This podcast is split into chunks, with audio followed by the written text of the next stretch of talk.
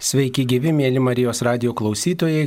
Šeštadienį su jumis sveikinamės iš Kauno studijos, kurioje esame su Kauno Kristaus prisikėlimo bažnyčios kunigu Nerijum Pipiru. Garbėzu Kristui. Per amžius amen. Ir prie mikrofono esu aš, kunigas Saulis Bužauskas. Taigi, e, mūsų radio laida Klaus drąsiai, klausytojų mėgstama. Taip šiomis dienomis mūsų maldos kyla į Dievą ir ypatingai intencija melžiamės už taiką Ukrainoje. Tikrai kviečiame visus prisidėti ir pasninkaujant, kaip kas galite ir ypatingai kaip girdime iš mergelės Marijos apsireiškimų, kviečiamas netoks radikalus pasninkas duona ir vandeniu. Tai galima pamėginti šitą pamaldumo praktiką, pasitarę su savo dvasios tėvu, su nuodėm klausiais. O šiandien bažnyčia mini e, švenčia iškilmingai šventojų Juozapo iškilmę. E, taigi šiandien yra tokia graži šventė, mūsų bažnyčios globėjo šventė, taip pat ir šeimos šventė, nes šventasis Juozapas yra ir šeimos globėjas, kaip tik tai šventojo Juozapo metai buvo švenčiami ir dabar yra šeim, šeimai skirti metai, tai tegul šventasis Juozapas globoja visas mūsų šeimas ir prašykime jo užtarimo. Taip pat šventasis Juozapas globoja tuos, kurie nori laimingai numirti, nes pagal pasakojimą Jėzus mm, buvo mm, tada, kai Juozapas mirė. Na, va, tokia tradicija yra pasiekusi mūsų laikus. Toks tikėjimas Ir taip pat žmonės e, meldžiasi norėdami šventojo Juozapo globos na, šeimos reikaluose. Pavyzdžiui, moterys norinčios ištekėti taip pat prašo šventojo Juozapo užtarimo. E, taigi, pavyzdžiui, šventoji Teresė Avilietė ypatingai nu, buvo pamėgusi šį šventą ir jai, jam visus vienuolynų reikalus pavesdavo statybų reikalus, taip toliau. Mes Marijos radijoje taip pat melžiamės ir mylim šventą į Juozapą, nes jau visai einame į pabaigą naujosios studijos įrengimo darbuose. Taigi, mėly Marijos radio klausytojai, taip pat visi drauge prašykime viešpati, kad padėtų mums kuo greičiau tuos darbus užbaigti. Dabar šiomis šią ateinančią savaitę operatoriai intensyviai dirba su naujaja programa, mokosi, žiūri, kaip čia galima tikrai ją sėkmingai naudotis, kad būtų galima pradėti transliacijas. Taigi viskas priklauso nuo tų, kaip kaip išmoksim, kaip sugebėsim valdyti tas naujasias visas programas ir mm, tada galėsime jau sėkmingai persikelti į naująją studiją. Taigi dėkojam Jums, kurie rūpinatės, kurie palaikote mus, kurie aukojate Marijos radijui. Tikrai Marijos radijas įsilaiko tik iš Jūsų aukų nuoširdžiai kiekvienam dėkojam, už visus melžiamės ir mus galite paremti auką atneždami į Marijos radijos studiją Vilniuje ar Kaune, taip pat galite pervesti auką internetu. Į, į sąskaitą ir taip pat galite skambinti trumpaisiais numeriais 1622 arba 1623. Paskambinę 1622 numeriu paukosite 5 eurus, o paskambinę numeriu 1623 paukosite 10 eurų šiais numeriais galite skambinti, jeigu jūsų, jūsų numeris priklauso Tele2 mobiliajam tinklui arba Telija fiksuotam arba mobiliajam tinklui. E, taip pat auką galima palikti ir įvairiuose bažnyčiose esančiose aukų dėžutėse. Tai ačiū visiems ir džiaugiamės, kad jūs galite prisidėti prie, kad Marijos radijas gyvuotų. Taigi e, pradedame, mm, pradedame mm, atsakinėti jūsų atsistus klausimus. Mm, žiūrim, ką mums čia atsiunti. E, taip, pirmas klausimas. Ko verta šalies vadovas, kuris taikiomis priemonėmis nesprendė, kad šalyje nebūtų karo? Iš tikrųjų, e, mėla, mėla klausytoja, reikia atkreipti dėmesį, kad karas niekuomet nekyla iš vienos pusės. Ir mes galėtumėm e, lygiai taip pat e, tą, tą klausimą truputėlį e, pakeisti ir klausti, ko vertas tas šalies vadovas, kuris nesiryžo ginti savo tėvynės. Ko vertas tas vadovas, kuris kuris tengiasi, kad tėvynė išnyktų iš šito pasaulio, kuris, kuris išdavė savo tėvynę. Tai jeigu kalbam apie konkrečiai Ukrainos vadovą, tai ko gero niekas negalėjo žinot, kad vat, tą naktį bus, bus Ukraina užpulta, iki buvo užpulta iš pasalų. Tai Tai tiek vadovas, vadovas iš tiesų yra tas, kuris yra atsakingas už tėvynę, už, už žmonės ir, ir ruošiasi ją ginti. Taip, mums paskambino. Angelė iš Kaišėdorių. Taip, e, Angelė, klauskite. Garbėjai. Per amžius. E, sakykit, ar, ar iš tikrųjų taip yra, man paaiškino, kad mirusio žmogaus gimimo dienoje kapuose lankyti nereikia, negalima. Iš tiesų. Gimimo dieną galima, o gimimo dieną jau jeigu jis miręs, ne, ne, nereikia. E, iš tiesų nėra tokios taisyklės, kad, kad nereikėtų lankytis kapuose žmogaus e, gimimo dieną, tai tikrai, tikrai tuo, tuo nesivadovaukit. E, lab, svarbiausia, kad už mirusį mes, e, mes melstumėmės ir mes galime mirusį prisiminti ir tuomet, kada, e, kada švenčiame jo gimimo dieną, labai gražu, vat, pavyzdžiui, irgi yra tekę aukoti šventasias mišes, kai, kai žmonės užprašo mišes už savo artimąjį, kuriam, pavyzdžiui, būtų buvę 90 metų, ar 100 metų, ar 80 metų, tai tikrai E, nesureikšminkit tokių pasakymų, melstis už, už mirusiuosius galima e, visur ir visada, nors kita vertus mirties diena yra gimimo dangui diena. Taip. E, dar vienas klausimas, ar reikia kalbant rožinį po tėvę mūsų sakyti amen. Atkreipiau dėmesį, kad meldžiasi skirtingai su žodžiu amen ir be žodžio amen. Iš tikrųjų, amen mes nesakome per šventasias mišes, kada, e, kada kunigas tarsi, e, tarsi praplečia šią maldą, sakydamas gelbėk mus viešpatie nuo visokio blogio ir, ir taip toliau yra ten, e, ten ir kiti, kiti maldo žodžiai, tai yra tik tai vienas atvejis, kada mes nesakome amen, o per rožinio maldą ir šiaip kalbant tėvę mūsų ir po kiekvienos maldos žodelis amen sakomas. Tik kartais E, galbūt jį mes ištariam labai tyliai ir, ir, ir nesigirdi, bet jis turėtų būti sakomas. Taip, dabar dar viena žinutė. Kokia kalba popiežius laiko mišes? Ar galima, kokia kalba popiežius laiko mišes? Lotiniškai laiko mišes popiežius, tikriausiai laiko ir itališkai taip pat, e, e, italų kalba.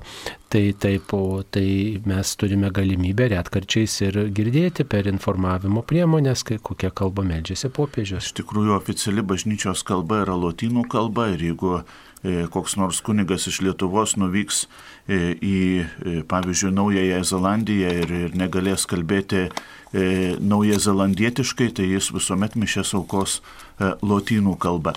Dar kita klausimo dalis, ar galima klausant per Marijos radiją e, per šventasias mišės siūti. Arba e, mėgsti. Taip. Na tai ar mišios yra tik tai fonas, ar mišios yra malda. Jeigu mišios tik tai fonas, galima ir valgyti, galima ir, ir e, dulkės, dulkės šluostyti, ir kambarius e, sirpti, bet jeigu mišios yra malda, tai tuomet, tuomet reikėtų melstis, susikoncentruoti šventasias mišes. Jeigu, pavyzdžiui, mes negalim nueiti e, į bažnyčią ar priimti komuniją, tai pasiruošti dvasiniu būdu priimti, priimti šventąją komuniją, tai visuomet atkreipkite dėmesį į tą, kas man yra šventos mišios transliuojamos, ar tik tai e, maldos fonas e, toks, toks gražus fonas, ar tai yra, tai yra malda. Matot, čia, čia turbūt priklauso nuo jūsų nusistatymo. Jeigu jums, jūs tai klausotės kaip tam tikrą informaciją, pavyzdžiui, mes kartais kunigai, žinot, nu, vat, meldžiasi kažkas, noriu pasiklausyti, pavyzdžiui, pamokslo, noriu pasiklausyti kaip gėda, tai aš tą dalį išklausau, gal tuo metu kažką ir veikiu, bet aš tiesiog priimu informaciją, kuri yra, nu, vat, skelbiama per radiją. Bet, reiškia, aš mišiuose dalyvauju kitų laikų, gyvai dalyvauju, o, o, o ten pasiklausau pasiklausau, pamaldžiai pasiklausau, galbūt tikrai kažką tuo metu darau, bet tai, e, tai yra tiesiog toks informacijos prieimimas. Kai kurie žmonės, kurie nelabai tikintis yra, jie, vat, kaip ir kuningas sako, kaip foną priima, reiškia, jie važiuoja mašiną, kažką veikia, jie klauso, svarsto. Tai vat priklauso su kokiu nusistatymu. Jeigu jūs tą dieną nedalyvaujate jokiose mišiose gyvai, tai tikrai patartina gal tuo metu kažko nieko kito ir neveikti, tiesiog neusimti kitą veiklą, bet taip dalyvauti, tarsi jūs sėdėtumėte bažnyčioje, toje bažnyčioje, savo bažnyčioje ir tada dvasinę komuniją priimtumėte, tada, nu, va, tą pamaldumą ir savo santykių su Dievu tada kurstom. Bet jeigu mes tik norim išklausyti kaip informaciją, tiesiog priimti tą pamaldžią tiesą, kuri ten skelbiama, tai tiesiog tuo metu galbūt galima ir kažkuo kitu dar užsijimti, jeigu jūs taip sugebate ir kažką daryti vienu metu ir sekti ausimi, kas vyksta. Nes vat radijas ir turi tą tokią nuostabią savybę, kad galima kažkuo kitu užsijimti ir, ir priimti skelbiamą informaciją. Mums paskambino. Antanas iš druskininkų. E, taip, Antanai, klauskite. Garbėjus Kristų. Per amžius amen. Kunigėlį tokių klausimų.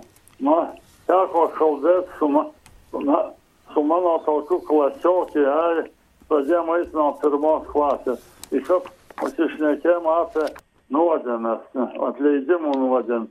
Sako, man sakė kunigėlį, aš tau atleidžiu nuodėmės visam gyvenimui. Tai ar gali šitie kunigėlis atleisti, aiškiai, praeito ir likusiam gyvenimui nuodėmės, tai išeina daryk, kam nori, atleidau visam gyvenimui Tai ar, ar šitie gali atleisti visam gyvenimui? Nu, į priekį tai tikrai negali atleisti nuodėmį. Čia tikriausiai, žinot, gal netaip supratot, arba gal netaip kunigas įsireiškia, sunku pasakyti. E, bet tikriausiai jums gal davė suprasti, kad gailėkitės už tai, ką iki šiol padarėte, kas, kas vat, atlikot išpažinti ar ką, gal ir tada sako, gailėkitės už visą savo gyvenimo nuodėmės, ar e, tikrai dėl visko gailėkitės, kas buvo netaip kreiva, reiškia iki šioliai, vat, sužadint tokį troškimą dėl mano praeities.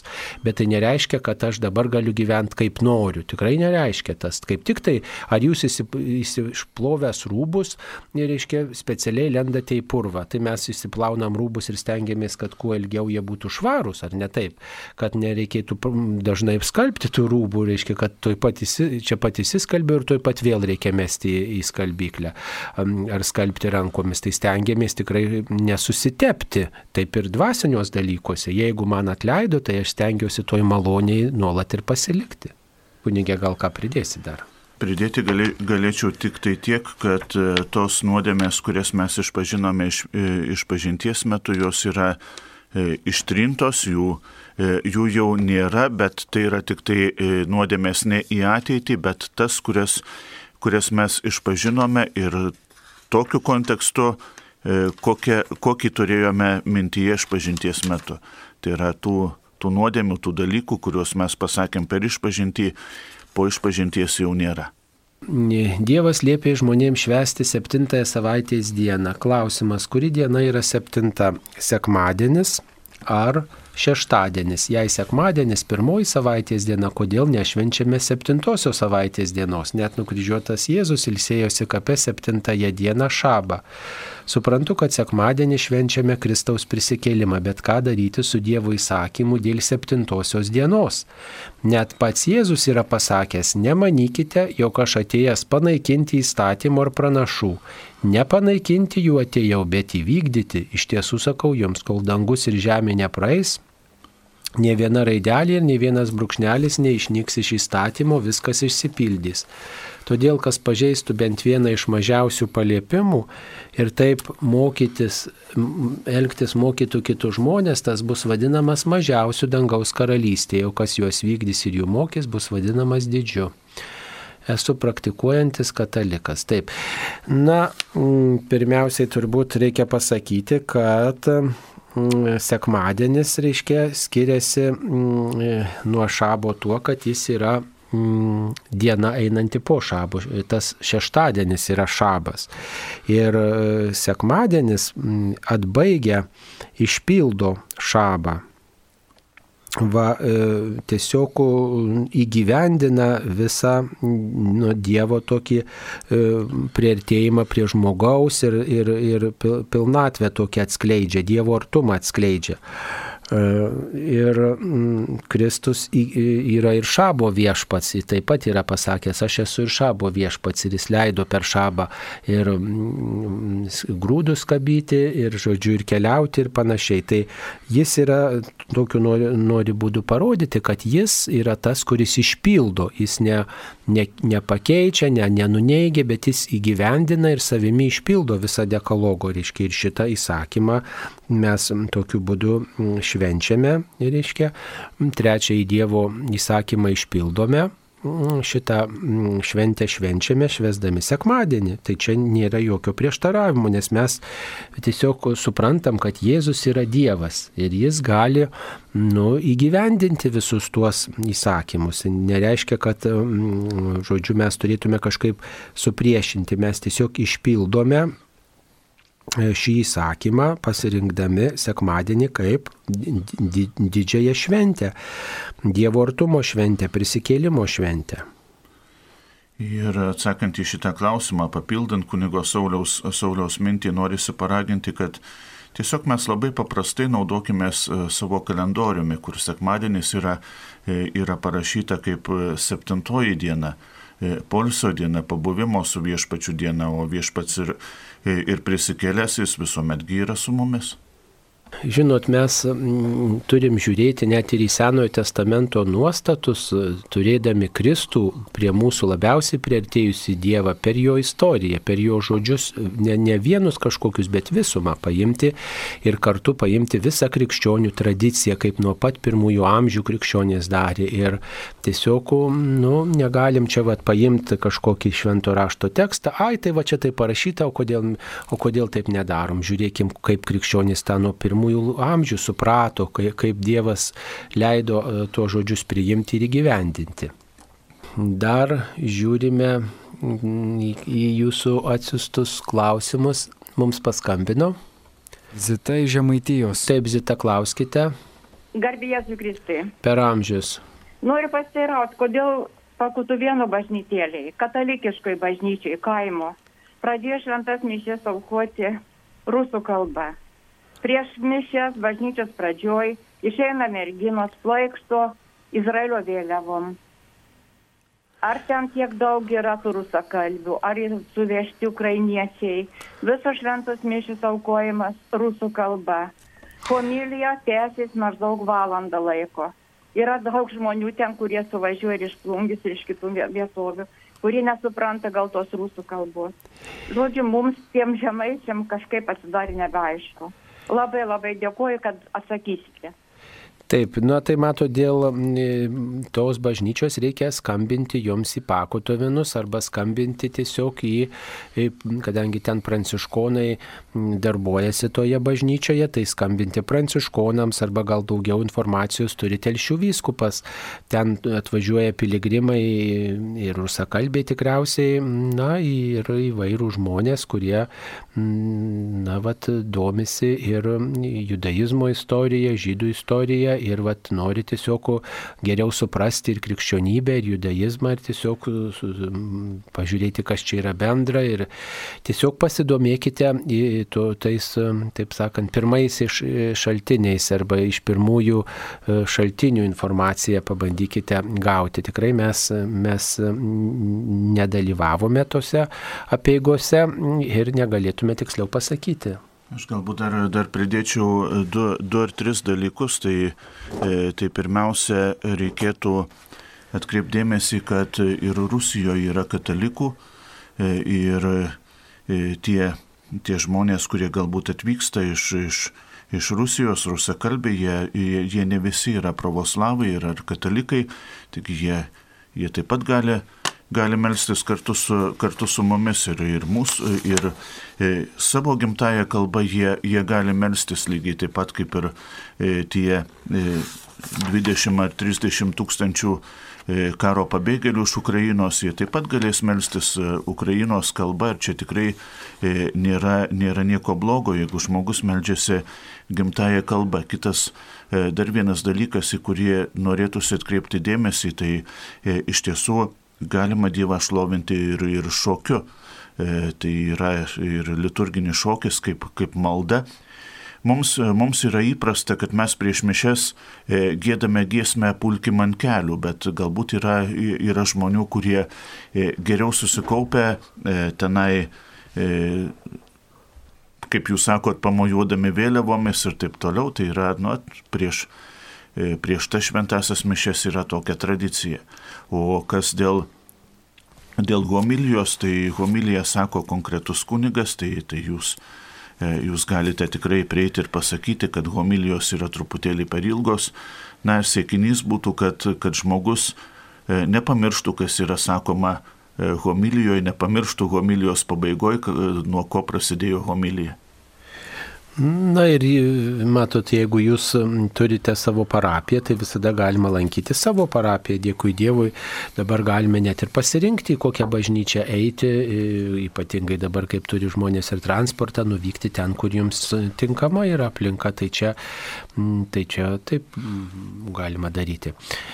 E, taip, mėly Marijos radio klausytojai, tie, kurie siunčiate žinutės, tenkitės į vieną žinutę, sklandų sakinį parašyti, e, nes kartais ateina nuotrupos, kartais ateina, nesklandus sakinys, mes esam tiesioginėme eterė, tai nėra nei laiko, nei galimybių čia išstudijuoti, ką jūs norite parašyti. Tai stenkitės tikrai kuo sklandesnė kalba vienoje žinutėje parašyti e, jūs dominantį klausimą, nes kai ateina klausimas, klausimai per kelias žinutės, tas pats klausytojas klausia, tai čia nu, tiesiog yra mm, didžioji ekvilibristika, kaip reikia susigaudyti, ką jūs norite paklausti. Manau, kad visi esame baigę vidurinę mokyklą arba bent jau mes mokame rašyti, tai galima labai aiškiai ir paprastai suformuoluoti klausimą. Labai ačiū už supratimą. Taip, dabar mm, dar yra viena žinutė. Kaip dažnai reikia atlikti išpažinti praktikuojančiam katalikui, kai didžiosios nuodėmės jau išpažintos? Ar tikslinga tai daryti kas mėnesį, nes nuodėmės dažnai kartojasi tos pačios? Dėkoju už tai, kad e, gavėnios metu klausėte apie išpažinti, tai yra tikrai labai svarbu ir tai yra sakramentas, kuris e, kuris tikrai e, daugiau iškelia galbūt klausimų Taigi e, išpažinties sakramentas yra pirmiausia yra gydimo sakramentas ir, ir e, išpažinties reikėtų, reikėtų ateiti tada, kada mes jaučiamės e, dvasiškai, taip sakant, nešvarus, dvasiškai sus, susirgę. Kita vertus, tai yra ir tam, tikros, tam tikra prasme apsivalymo sakramentas. Ir aš visuomet žmonėms patariu, kad iš pažinties reikėtų eiti taip dažnai, kaip mes valome dulkės. E, tai, na, bent jau kartą per mėnesį praktikuojančiam katalikui, tai, e, tai tikrai būtų gerai, kad, kad jisai atliktų išpažinti. Aišku, kyla klausimas, jeigu žmogus išpažinti atlieka kartą per metus arba dar rečiau, tai koks jisai yra tada praktikuojantis. Tada atrodo, kad, kad tas sakramentas jam e, na, nelabai reikalingas, jisai tik tai užsideda tam tikrą pliusą. Ir kalbėdamas apie antrąją jūsų klausimo dalį aš visuomet prisimenu savo vaikystę, kai, kai reikėdavo e, kaime pas močiutę ravėti daržą. E, ir visuomet stebėdavausi, nagi aš jau tas dilgelės išroviau, tai vėl po dviejų savaičių vėl tos pačios dilgelės reikia ravėti. Taigi kiekviena nuodėmė yra tarsi pikdžiolė, kuri, kuri atželia. Tai iš tiesų nepaisant to, kad mes, mes jau kartą gyvenime išpažinome, jeigu ta nuodėmė pasikartojo, E, ją vėl reikia, reikia išpažinti. Nuodėmės nugalimos tik tai Dievo gailestingumo. Taip, e, ačiū. E, dar viena žinutė apie gavėnios rekolekcijas ir galimybę jas perklausyti. Matot, jeigu yra skaitomi knygų tekstai, tai mes knygų tekstų galimybės perklausyti tokios negalime sudaryti va dėl autorinių teisių. E, čia niuansai tokie, reikėtų stengtis dalyvauti tuo tiesioginiu laiku, kada yra programos skaitomos, kada tekstai skaitomi arba kada mm, tam tikri autoriai arba kunigai dalyvauja, tai tas ir yra vat, radio momentas, kad galime gyvai dalyvauti ir tikrai stengtis, galbūt ir kažką kitą veikdami, klausytis, klausytis įvairių tekstų, kurie skelbiami per Marijos radiją. Ką reiškia Rusija paukoti mergeliai Marijai ir kaip tai atliekama? Na tai yra skaitomas paukojimo aktas ir, žodžiu, popiežius visos bažnyčios vardu tą atlieka prieš mergelės Marijos skulptūrą. Primename, kad 1917 metais e, Birželio 17 berots Fatimoje mergelė Marija paprašė paukoti Rusiją jos nekalčiausiai širdžiai. Tai 1917 metai. Žinom, kad tais metais įvyko mm, ta vadinamoji spalio revoliucija, didysis perversmas Rusijoje. Ir mergelė Marija sakė, dar birželio mėnesį, kad jei šis prašymas nebus įvykdytas, Rusija ir toliau skleis savo klaidas po visą pasaulį, keldama karus ir persekiojimus. Tai tos paaukojimo apėgos, pašventimo apėgos buvo atliktos 1942 metais. Buvo visas pasaulis paukotas Marijos nekalčiausiai širdžiai, paskui dokumente buvo Rusijos tautos pavestos Dievui 1952 metais. Ir tas pasipaukojimas atnaujintas Vatikano antrajame susirinkime 1964 metais. Tai e, dar ir šventasis popiežius Jonas Paulius II 1981 metais perskaitė pasiaukojimo aktą ir paskui jis Fatimoje buvo mm, perskaitytas, tai žodžiu tai buvo atlikta bent keletą kartų.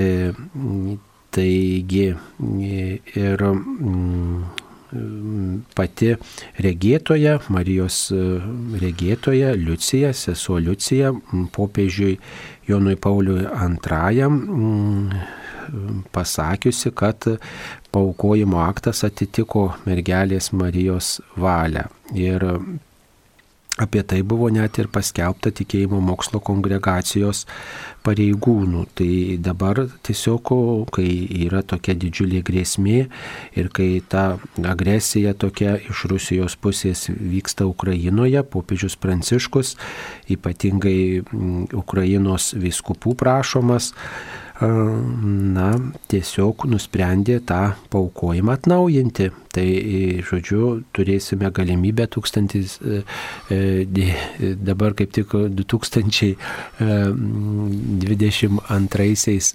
metais 2022 metais, kovo 25 dieną, taip pat e, vakare dalyvauti tose tokiuose pamaldose ir išgirsti, kaip popiežius Pranciškus štai vėl paukoja mm, Rusiją Marijos nekalčiausiai širdžiai, tiesiog atnaujina tą paukojimą, pašventimą. Tai reiškia, kad mes ypatingai prašome Dievo globos ir pavedame mm, Marijos užtarimui, mm, ypatingai Marijos globai, tuos kraštus, kuriuose nu, vat, yra tokių agresyvių mm, nuotaikų. Mums paskambino Paskambino Aldona iš Kauno. Taip, Aldona, klauskite. Garbėjus Kristui. Per amžius. Labai pirmiausia, tai noriu padėkoti už Marijos radiją, už naktinės adoracijas, už tai, kad yra kad gali melstis namuose. Dabar aš tokį klausimą turiu, nu porą tokių klausimų, kadangi aš kaip einu į bažnyčią, aš dabar jau nebeinu sekmadieniais, aš negaliu atsiklaupti. Ir man gėdas, visi klaupėsi stovi, tai aš galiu atsistoju kartais ten visai paskutinį.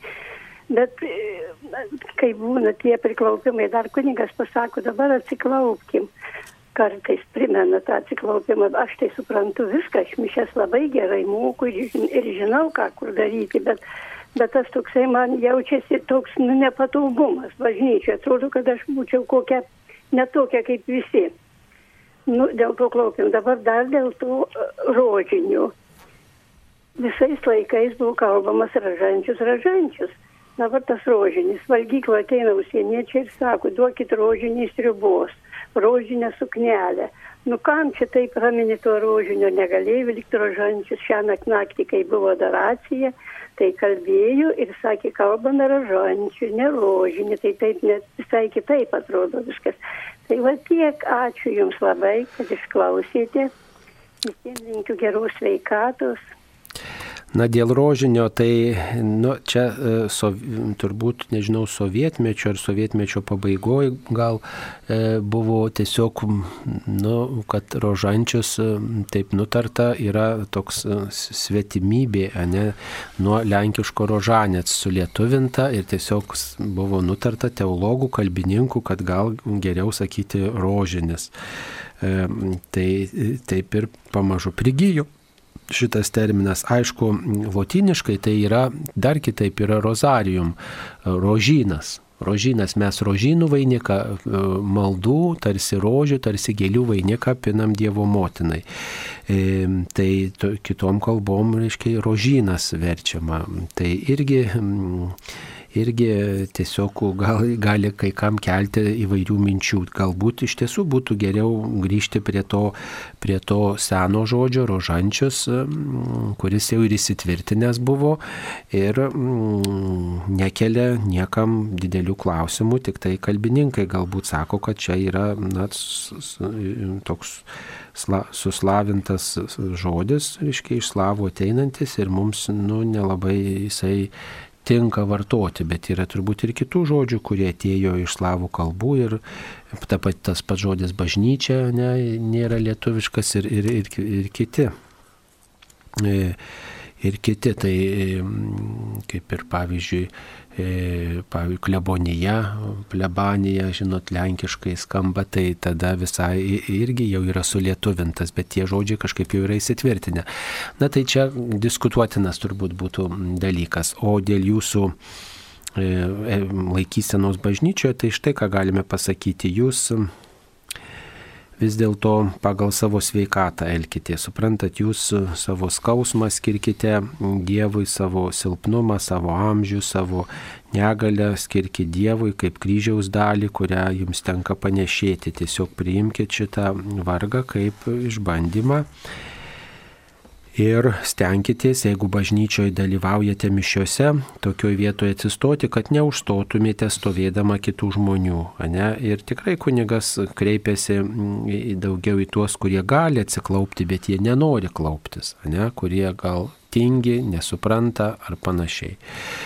E, tai tiek būtų tuo klausimu. Taip, e, dabar dar kviečia patarti keletą žodžių ir priminti apie pasninką, ar gavėnios trečiadienį reikia pasninkauti, ar tik be mėsos penktadienį, ar galima naudoti pieno produktus. Nu, jeigu mes laikytumėmės jau taip viskupų konferencijos nuostatų, ar ne, tai penktadienis yra susivaldymo diena. Tokia susivaldymo diena, kada žmogus vengia mėsos produktų.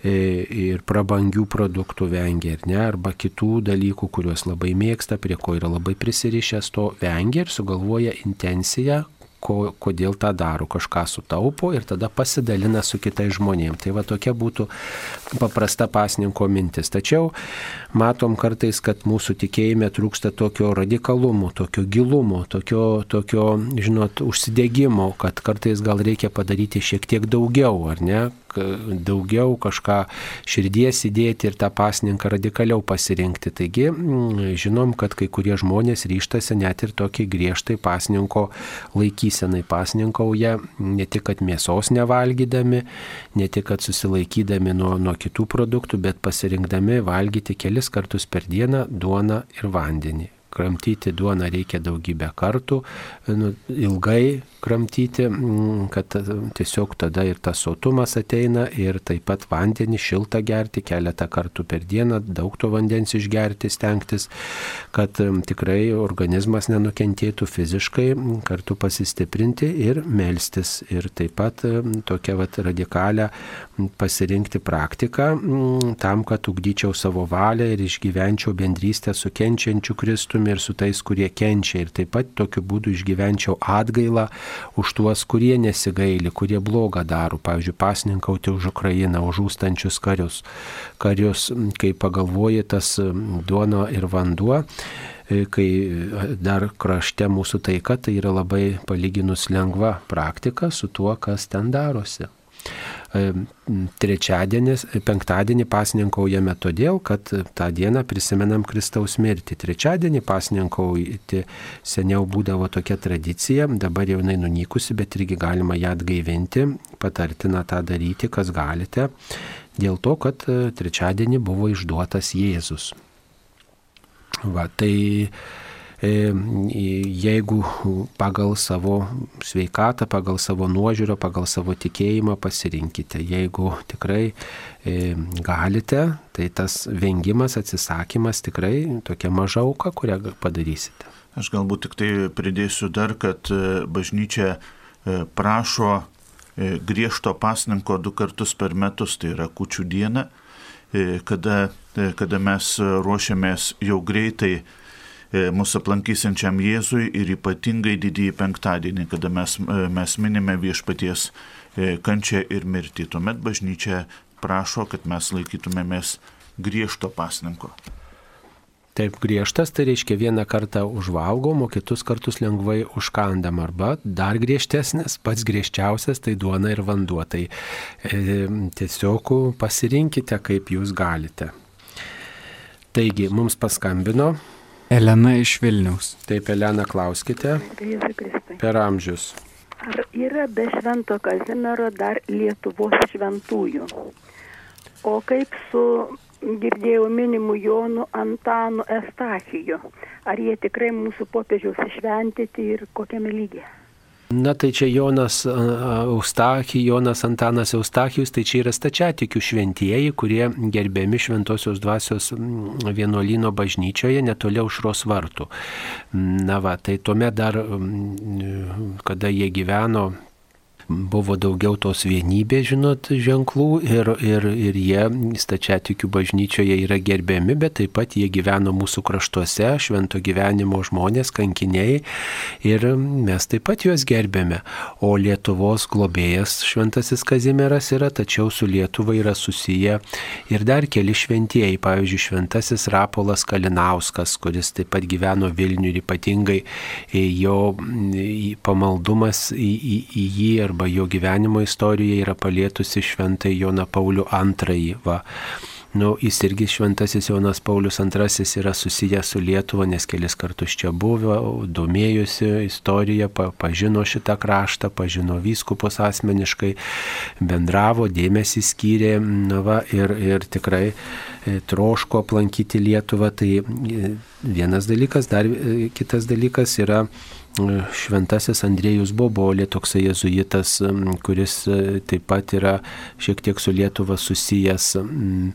Na va, taip pat e, kokį dar šventai paminėtume, nu, palaimintieji dabar e, mums gerai žinomi palaimintasis Jurgis Matulaitis, palaimintasis Teofilius Matuljonis, palaimintasis Mykolas Gedraitis. Na va, o iš šventųjų dar e, švento gyvenimo tokie žmonės liaudės pamaldome, bet nepripažinti oficialiai šventaisiais, tai yra Barbara Žagarietė. Pamaldumas buvo į šią šventąją, gal ir yra dar šiek tiek išlikęs, bet kadangi kadangi nėra palaikų, nėra dokumentų, e, tai e, keblus tas tolesnis tyrimas. E, tai, tai tiek trumpai būtų. Taip, mums paskambino. Antanas iš Kauno. Taip, Antanai, klauskite. Labadiena. Labadiena. Norėjau paklausti, kodėl nebėra bažnyčios mokymė testinumo. Imkim popiežių Joną Paulių II. Jis rėmėsi prieš tai buvusių visų popiežių mokymų. O dabar per jūsų radiją girdžiu tik tai šitų popiežių dviejų, kurie kažkaip iš oro kažką būrė, kalba, jie turi remtis bažnyčios magisteriumu, mokymu, imkim socialiniais klausimais. Jonas Paulius II yra išleidžiant, jūs apie tai net nekalbat, apie tas bloko, kodėl kariauna rytai vakarai. Juk šito enciklikoje jis labai plačiai rašo apie kapitalizmą, apie socializmą, kodėl esant dabar tokiai įtampai jūs neįmat šitos enciklikos. Jis būtent buvo slavas, puikiai žinojo istoriją, o jūs kalbat vėjus. Taip, ačiū, ačiū už jūsų mintis, tai pasitaisysime.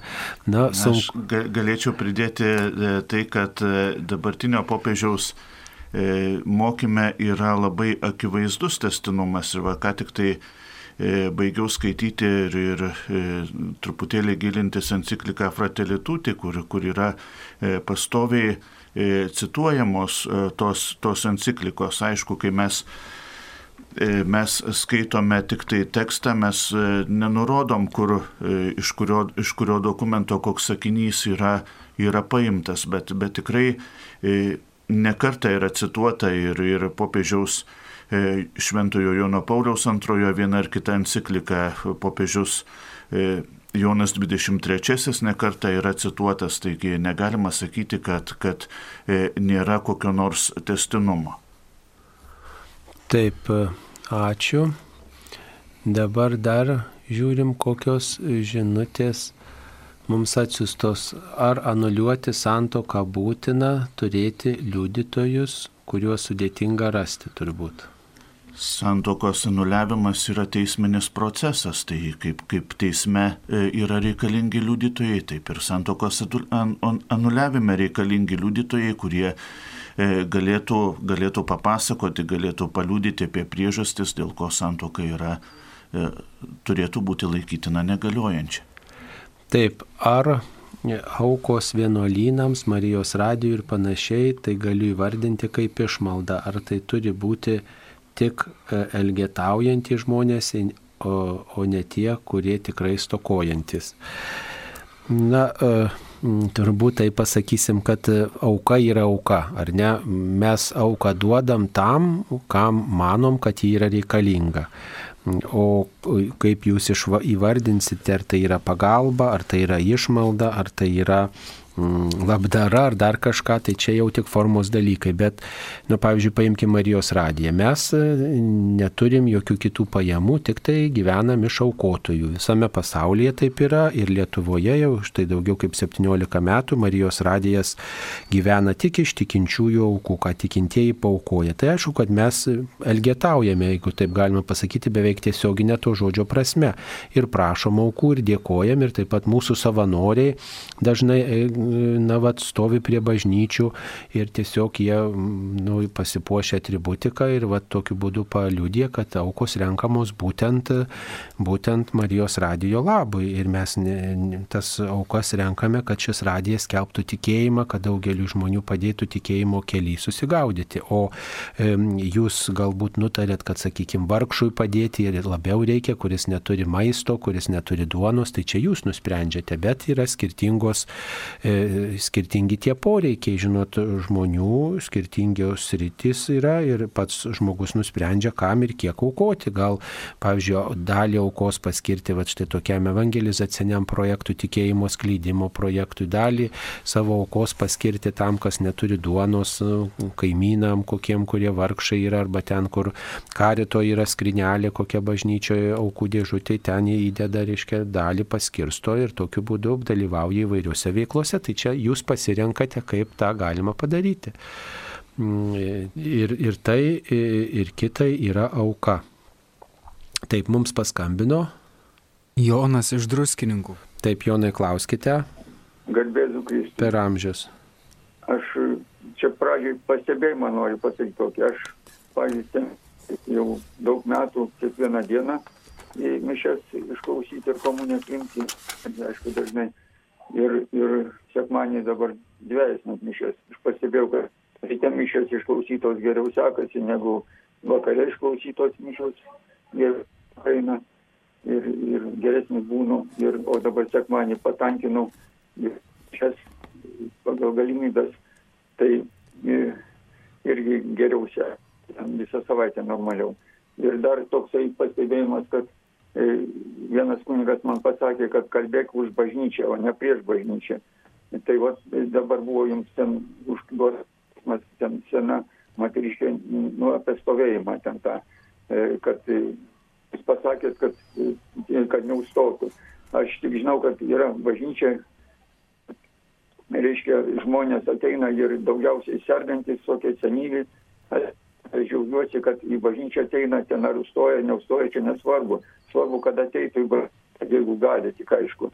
Ir šitą pagal galimybės. O kad, nu, kad mes netume iš bažnyčios žmonių, o už bažnyčią, kad būtų.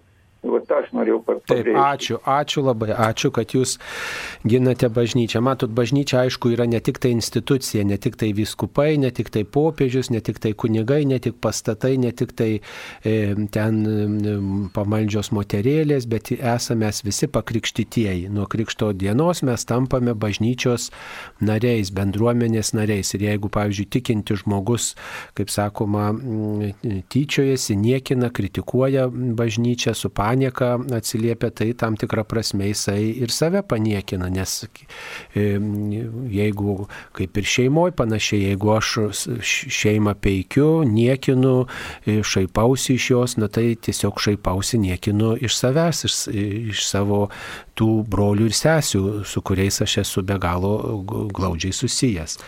Taip, dar. Galbūt dar galėčiau pridėti, kaip Taip. E, jūs Jūs minėjote, kad e, per pirmasis šventasias mišes geriau, ger, geriau jaučiatės ar kažkaip, e, kažkaip taip jau supratau, tai, tai iš tikrųjų tai yra ir paskata, kad per kiek, prieš kiekvieną šventasias mišes mes truputėlį susikauptumėm ir, ir e, šventosiuose mišiuose mes būtumėm dėmesingi. Tai, tai iš tiesų per pirmasis mišes jūs sukaupėte visą dėmesį į maldą ir taip ir turėtų būti. Taip, gerai. Ar gerai melstis už vaikų, žmonos padarytas ir būsimas nuodėmės ir prašyti atleidimo bei gailestingumo už jas? Na tai labiausiai turbūt reikėtų prašyti gailestingumo už jau padarytas nuodėmės. Melstis už kitus žmonės galima, E, e, taip, ir, o už būsimas nuodėmės, na tai e, gal nereikėtų šitokios intencijos turėti, bet gal reikėtų prašyti pagalbos, kad Dievas teiktų jėgų išminties vis dėlto nepa, nepadaryti tos nuodėmės apsaugotų, kad Dievas nuo tų nuodėmių ir pačiam stengtis vengti tų nuodėmių. Matot, melstis yra viena, tačiau malda reikia taip pat ir E, malda, maldos, taip sakant, vaisius pačiam savo pastangomis pastiprinti, kitaip sakant, ir, ir prisidėti pačiam, atsiliepti, kad ta mano malda būtų patvirtinta ir mano elgesiu, mano nusistatymu, mano bendradarbiavimu. Dar galėčiau pridėti tai, kad vaikų, žmonos, e, dėdžių, tėtų nuodėmės yra vaikų, žmonos, dėdžių, tėtų nuodėmės, bet, bet ne mūsų nuodėmės. Tai ir kartais e, nėra taip, kad mes, e, mes matome kitų akise rastelį, bet savo akise rasto nematome. Tai iš tiesų turėtume melstis prašydami tų žmonių atsivertimo ir nepamiršdami melstis savo atsivertimo, kad mes galėtumėm ir savo nuodėmės pamatyti ir jas, jas išpažinti švesdami atgailos sakramentą. Mums paskambino. Janina iš Vilniaus. Taip, Janina, klauskite. Per amžius.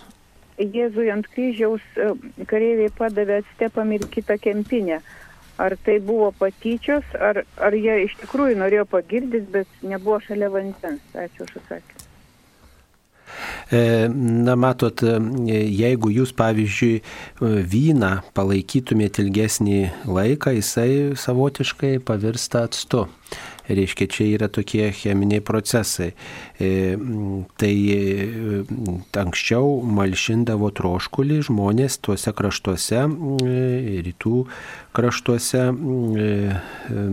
na, vyno, vyno gėrimų, kuris ir pastiprina organizmą ir vyn, vynmedžiai ten yra augantis augalai ir vynogių vynas, tas toks kasdienis gėrimas ir šventės gėrimas ir ilgiau pastovėjęs jisai pavirsta pavirsta nu, tokiu vat, atstu. Tai apie tai buvo mintis, kuri yra įamžinta šventajame rašte užrašyta. Tai e, aišku, kad kiekvienas tas gestas buvo tam tikras ir e, pasityčiojimas. Ir kareiviai, e, kurie štai buvo šalia Jėzaus ir reiškiečių vainiką nupynė ir, ir, ir reiškia visai tyčiojosi iš Jėzaus ir, ir tas toks vad gestas irgi, žinot, numalšinti troškulį irgi, ką ten labai numalšins, žinot, kempiniai, kiek ten to,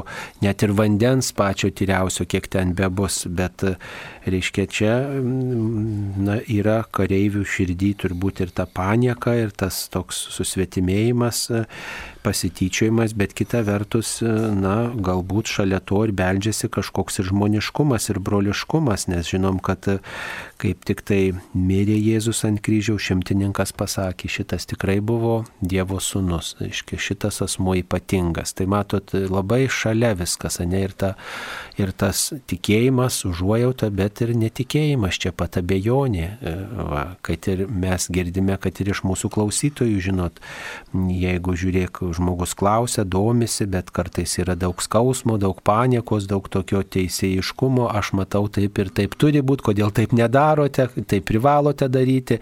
Žmogus tiki, tačiau čia pat yra ir daug tos nemailės, priešiškumo tokio, e, agresijos, noro pamokyti, noro, kad turi būti taip, kaip aš manau, aš manau geriausiai. Tai, tai, tai buvo visais laikais ir tai bus turbūt iki pasaulio pabaigos. Mums paskambino. Gintas iš Vilniaus. Taip, gintai, klauskite. Klausiu, buvo paminėta popiežiaus Pauliaus antrojo tas paukojimo aktas. Ir kartais susidaro toks vaizdas, kad, nu, Rusijos paukojimas yra tik popiežiaus reikalas. Bet aš dabar rankoje turiu tą vertimo originalo ir ten yra devyni tokie maldavimai, kurie liečia ne tik, bet ir mus kaip tikinčius. Ir ten kalbama ir apie nuodėmę prieš žmogaus gyvybę, ir Dievo įsakymų lengvabūtišką paminimo.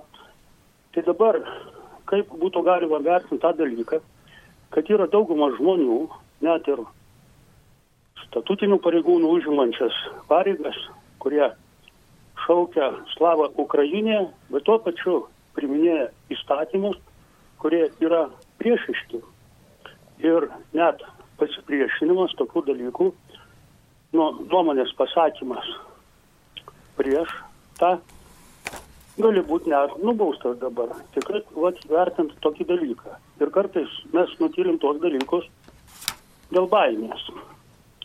Kad nereikėtų bijot, jeigu galima, aš turiu tokį trumpą liūdėjimą, penkių sakinių, jeigu galima. Taip, trumpai stenkitės.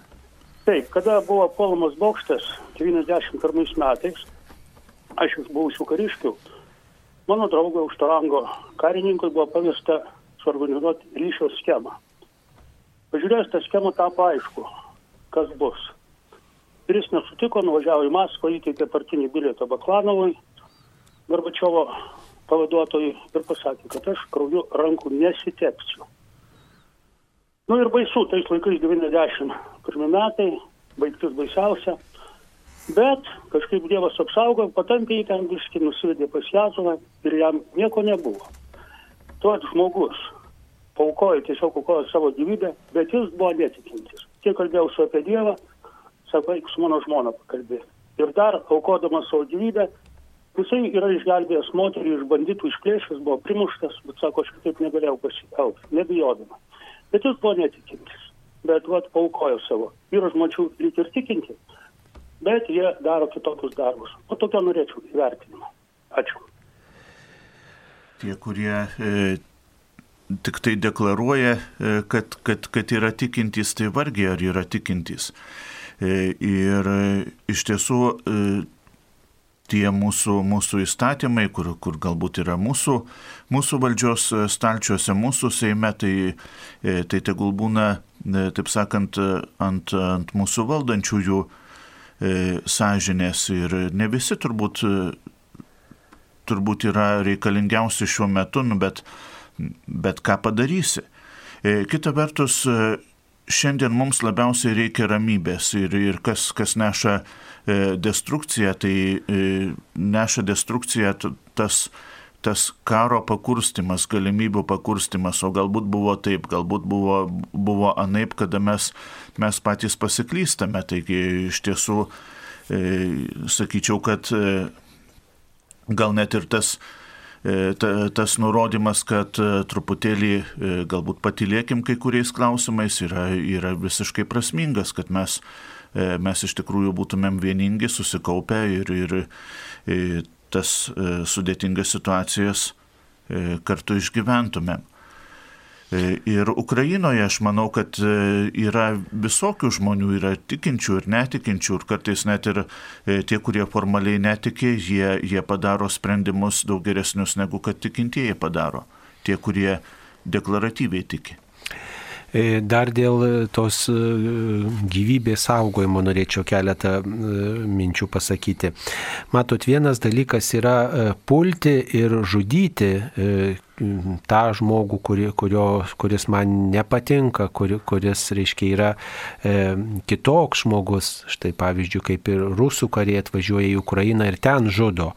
O kitas dalykas yra būnant, pavyzdžiui, Ukrainoje arba, sakykime, čia mūsų krašte gintis, būtinoji gintis, e, nėra draudimo žudyti nekaltą žmogų tiesiog pažeidimas. Kitaip sakant, nėra to įsakymo nežudyk sulaužimas, tai yra išimtis būtinoji gintis. E, ir E, tai yra išimtis e, ir nėra tai tyčinė žmogžudystė.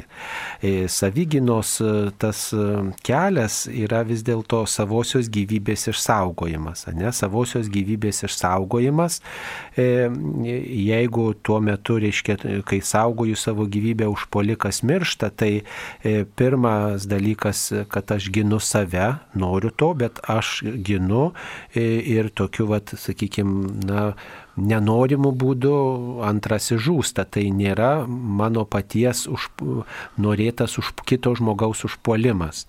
Va, tai vis dėlto čia šitoj vietoj tas savęs meilė yra vis dėlto svarbus dalykas - mylėti kitą kaip save patį. Tai pirmiausia, save patį reikia mylėti tinkamai, ar ne, šitoj vietoj. Ir, ir teisingai yra reikalauti, kad turėčiau teisę gyventi gyventi, bet ne, ne kito sąskaita. Matot, aš į kitą kraštą nevykstu ir nesudarau kitam žmogui kažkokiu nepatogumu, aš gyvenu savo krašte ir jeigu savo namuose, savo krašte gyvenant mane kažkas užpuola, aš turiu teisę gintis ir tai nebus, e, na, paskaityta, kad aš čia padariau nuodėmę, kad, e, reiškia, jeigu to gynimuose metu kažkas kitas žuvo. Va. E, juk būna ir sužeistas priešas, ir paimtas į nelaisvę, ir sunkiai sužeistas, lengvai sužeistas, atiduotas tas teisingumu ir panašiai. Čia įvairūs dalykai būna, kai, kai vyksta karas, labai sunku kartais pasverti, ne, kaip tą, reiškia, priešą nukauti. Tai čia, žodžiu, tas, kas gina savo gyvybę, tikrai žmogžudystę nenusikalsta, net jeigu yra priverstas e, smogti tokį mirtiną smūgį e, savo priešininkui, kuris e, jį puola. Taigi, sakyčiau, būtina, gin, būtinoji gintis, tas savęs gynimas yra ne tik tai teisė, bet ir, ir, ir pareiga kiekvienam iš mūsų. Ir be to, Reiškia, mes ginam ne tik save, bet ir savo šeimą, savo namus, savo kraštą, savo valstybę, bažnyčią, bendruomenę. Tai čia yra mm, tokia vat, mintis, tokia išimtis šitoj, šitoj taisykliai. Va. Taip, dabar dar vienas klausimas buvo apie mm, šventąjį Juozapą, kurį šiandien minime. E, taip, šventasis Juozapas minima šiandien ir taip pat klausimas buvo apie tai, kad yra e, minėtas šventasis Patrikas kovo 17 dieną. Taip, ir, ir žodžiu, ir tada galima linksmintis ir švesti. Tai kodėl gavėnios metu tą galima daryti? Na tai tiesiog galima sakyti, kad gavėnė truputį stapteli šitoj vietoje. Turime tokias dvi šventes per gavėnę, tai yra šventasis Kazimieras ir šventasis Juozapas, kai e, tikrai bažnyčioje yra ir balti liturginiai rūbai ir mes e, kalbame ir begėdame garbės gimną ir gavėnios laiku tiesiog galima švesti, net jeigu tai yra ir penktadienis būtų, ne, šventas, šventojo Šventojo Kazimiero diena arba, arba e, Šventojo Juozapo diena. Tai va, o Šventasis Patrikas yra Airijoje gyvenęs šventasis penktajame amžiuje, miręs 460 60 metais jisai e, buvo paimtas į nelaisvę, atvyko į Airiją, ten e, keliarius metus pragyveno, pabėgo iš tos nelaisvės, paskui jau tikrai tapo tokiu aktyviu krikščioniu ir vėliau į Airiją grįžo jau kaip vyskupas ir penktajame amžiuje, penkto amžiaus antroji pusėje Airijoje sėkmingai skelbė krikščionybę ir ypač e, kalbėjo apie švenčiausiąją trejybę. Ir dar dabar yra už tai Airijos simbolis e, dobilėlis trilapis, nes Patrikas pasėmęs dobilėlį sakė, kaip vienas dobilas yra, bet trys lapeliai, taip yra vienas Dievas trijose asmenyse. Tai Airijoje ypatingai gerbiamas šventasis, tačiau mūsų kraštams jisai nu, nėra tiek svarbus ir mes tik, tik tai žinome, kad toks vat, žmogus buvo ir tos šventės nešvenčiam. Tai e, tiesiog jeigu yra gavėnė, tai tik prisimenam, paminim galbūt skaitiniuose, kalendoriuje, bet, bet reiškia, yra Airijoje šventasis, kaip pavyzdžiui Kazimieras, nėra iškilmingai švenčiamas kitose bendruo bažnyčiose, kitose kraštuose, o kadangi yra Lietuvos Lietuvos globėjas, tai yra Lietuvoje iškilmingai švenčiamas. Mums paskambino.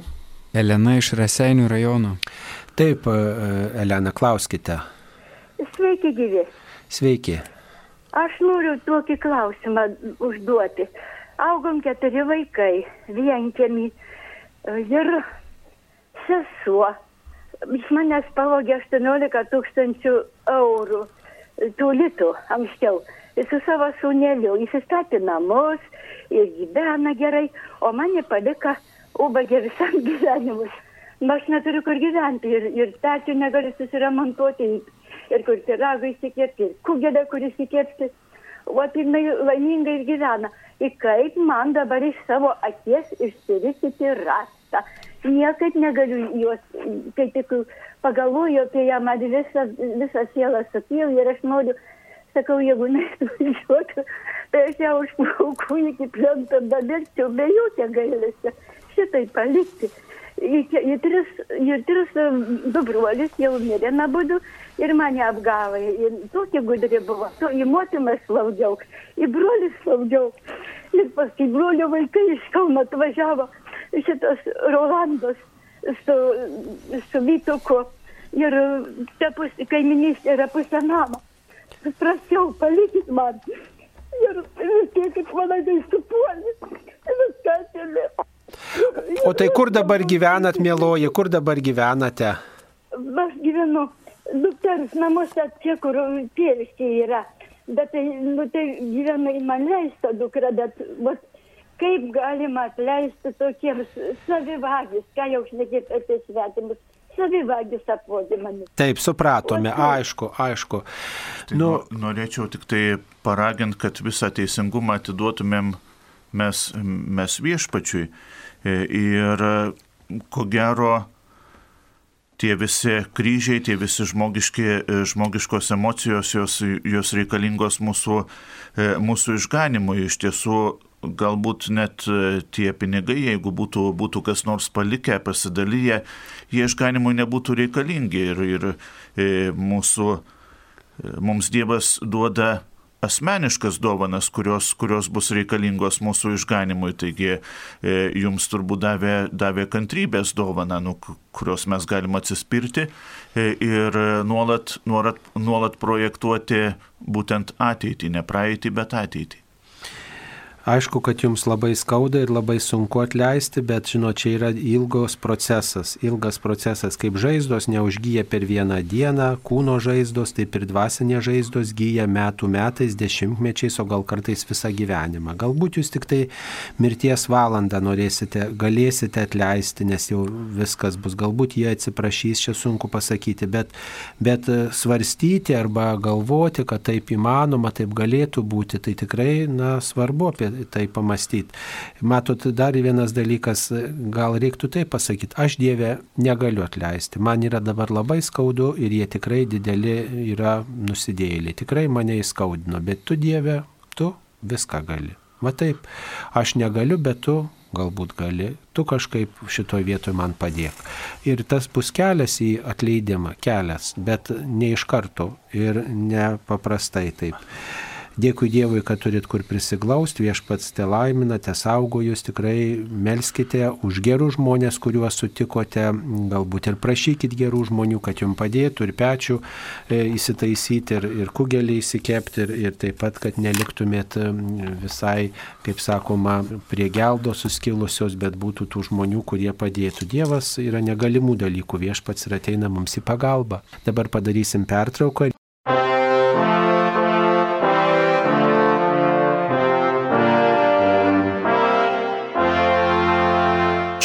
Marijos radijas.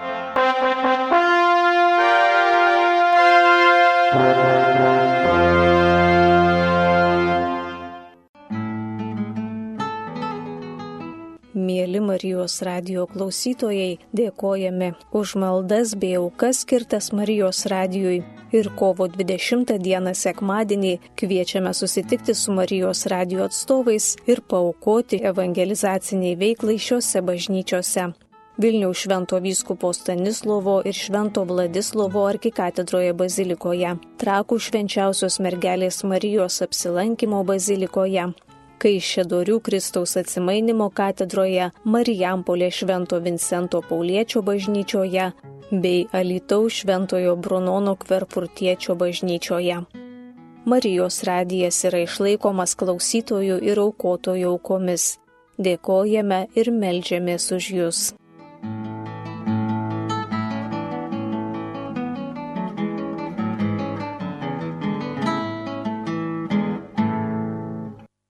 Dar kartą sveiki, mėlyjeji, jūs girdite laidą Klaus drąsiai, kurią tęsėme. Studijoje dalyvauja kuningas Nerijus Pipiras iš Kristaus prisikėlimo bažnyčios ir taip pat prie mikrofono esu aš kuningas Saulis Bužauskas.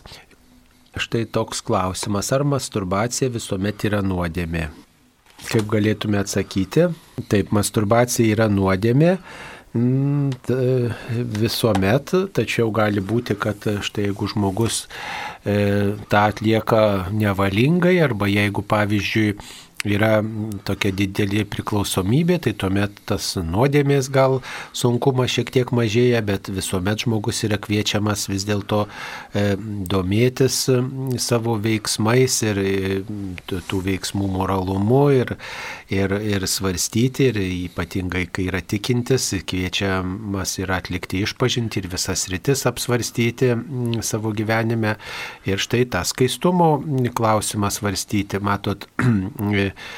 nėra tik tai tas plikas toks aktas, masturbacijos aktas nuodėmi. Tai svarbu turbūt ir iki to, gal net daug svarbiau yra kaip iki to prieinama, ar ne? Kuo aš domiuosi, kokią informaciją žiūriu, kaip aš ilgiuosi su savo mintimis, kokią veiklą aš užsijimu, reiškia, ar aš tikrai, taip sakant, valdau save, ar kokios yra mano kitos praktikos, kaip aš ilgiuosi valgymo dalykuose, kaip aš elgiuosi valdydama žodį, kaip aš moku ugdyti, ugdyti valdyti savo emocijas, ar aš tikrai sugebu vis dėlto mm, taip sakant, įvardinti emocijas, nukreipti jas kažkokią linkmę, vat, vat apie, tą, apie tokią brandą, emocinę brandą reikia turbūt kalbėti, svarstyti, domėtis tais klausimais, va ir tikrai kalbėti su nuodėmklausiu ir labai nuolankiai šitą sritį analizuoti, bet nesureikšminti turbūt labai stipriai. Svarbu, kad žmogus norėtų iš to pakilti ir dėtų tokias pastangas. Taip, mums paskambino. Stanislava iš Veisėjų parapijos. Taip, Stanislava, klauskite. Garbėzui Kristui. Per amžius amen. Šitą aš noriu tokių du klausimėlių turiu. Šitą vienas, nu, pas mane yra e, Fatimos liūdavė tokių tokių paveikslėlių ir didelių paveikslų. Ir ant vienos rankos, ant vienų paveikslų Marija laiko Jėzulį ant dešinės rankos, o ant kitų ant kairės. Tai norėsiu atsakymo, ar tai ką reiškia, ar tai nieko nereiškia. Ir paskui dėl adaracijos, nu aš adaruoju kiekvienų kartų, bet aš daugiau negaliu, nes daug vaistų naudoju ir nu jau sveikata neleidžia.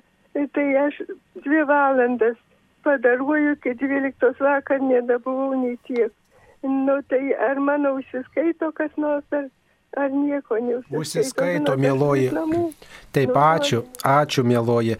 E, tai sveikinam Jūs, kad Jūs tikrai esat maldo žmogus ir melžiatės tiek, kiek galit. Matot, net ir nuo, kaip sakoma, kažkas iš šventųjų yra pasakęs net nuo vienos e, su tikėjimu, su meile, e, sukalbėtos e, maldos, nuo pavyzdžiui vienos veika Marija maldos sudreba visas pragaras, jeigu ją tikintysi sukalba su meile, su tikėjimu, su, su tokiu troškimu vis dėlto atsiremti į šventuosius, į patį viešpatį. Tai e, tikrai tiek, kiek galite, tiek melskite, žinot, ir, ir, ir tikrai truputį pasiklausot, kad ir kelias minutės, ir tai jau yra ačiū Dievui. Dievui. Va, tai nebūtina tikrai visą parą melstis, tiesiog, žinot, yra ta nuolatinė malda, kai žmogus ryte persižegnoja, Dievui paveda visus reikalus ir jeigu dieną prisimena viešpati, tiesiog vakare galiausiai užbaigia dieną su tikėjimu prieš miegą, tai jau ir pašvenčia visą dieną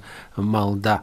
Ir tikrai į senatvę ypatingai stenkitės e, tokiom ir trumpom maldom, trumpais atodusiais, e, e, tiesiog va taip, na, Dievą garbinti, čia tokia vienuolė neseniai sutikau, sako, Aš dažniausiai taip meldžiuosi, jau labai garbaus amžiaus minuolį, viešpatė myliu tave, Jėzau myliu tave, Marija myliu tave. Tiesiog sako, va tokiu, tokiu atodusiu meldžiuosi, nes sako, jau nepajėgiu nei skaityti, nei klausytis, sako, mintis nubėga, tai aš va šitaip sako meldžiuosi. Tai žinot, nuostabu, kad žmogus visą gyvenimą tikintis būna, va tokiu atodusiu tiesiog, o paskui, žinot, gal žmogus va tai tik į kryžių pažiūri ir tai tokia jo malda būna. Tai e, tiesiog taip kaip galite, taip kaip galite. O dabar dėl tos Jėzaus to laikymo, tai e, ką mes galėtume kunigė pasakyti, ant kurios rankos laiko Jėzų. Aišku, kad e, turbūt yra čia tam tikra mintis visuomet e,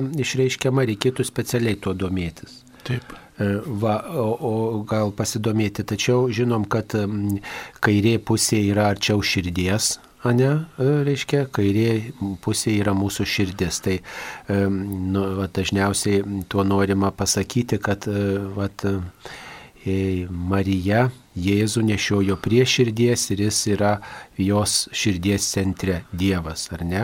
Jeigu dešiniai pusiai laiko Jėzų, tai dešinė ranka yra tokia svarbiausia ranka, mes su ją daug atliekame, ne pačius svarbiausius darbus, ne atliekame dešiniąją ranką. Ir vėl tokiu, norim, nu, nu, tokiu būdu norima pasakyti, kad Marija Jėzų, reiškia, laiko svarbiu jos gyvenime. Jo, va. Bet dar turbūt galima ir daugiau čia prasmių išvelgti. Dar viena žinutė yra apie pakartoto įstatymo 22 skyrių 5 eilutę. Toje eilutė skamba. E, moteris nevilkės vyriško apdaro, nei vyras nesirenks moteriškais drabužiais, nes kas taip daro, kelia pasibjaurėjimą viešpačiui e, tavo Dievui. Čia su klausimu tiesiog, reiškia, ką tai reiškia, arba kaip suprantu, kodėl, kodėl reiškia, dabar vilki gal vyrai moteriškais rūbais, o moterys vyriškais. Na tai, žinot, senas įstatymas mm, yra viena, aišku, yra daug kas, taip sakant, pasikeitę nuo tų papročių, tai nereiškia, kad tas senas įstatymas e, nu, jis kažkaip nėra nei aktualus, nei, nei, nei įdomus, nei reikalingas.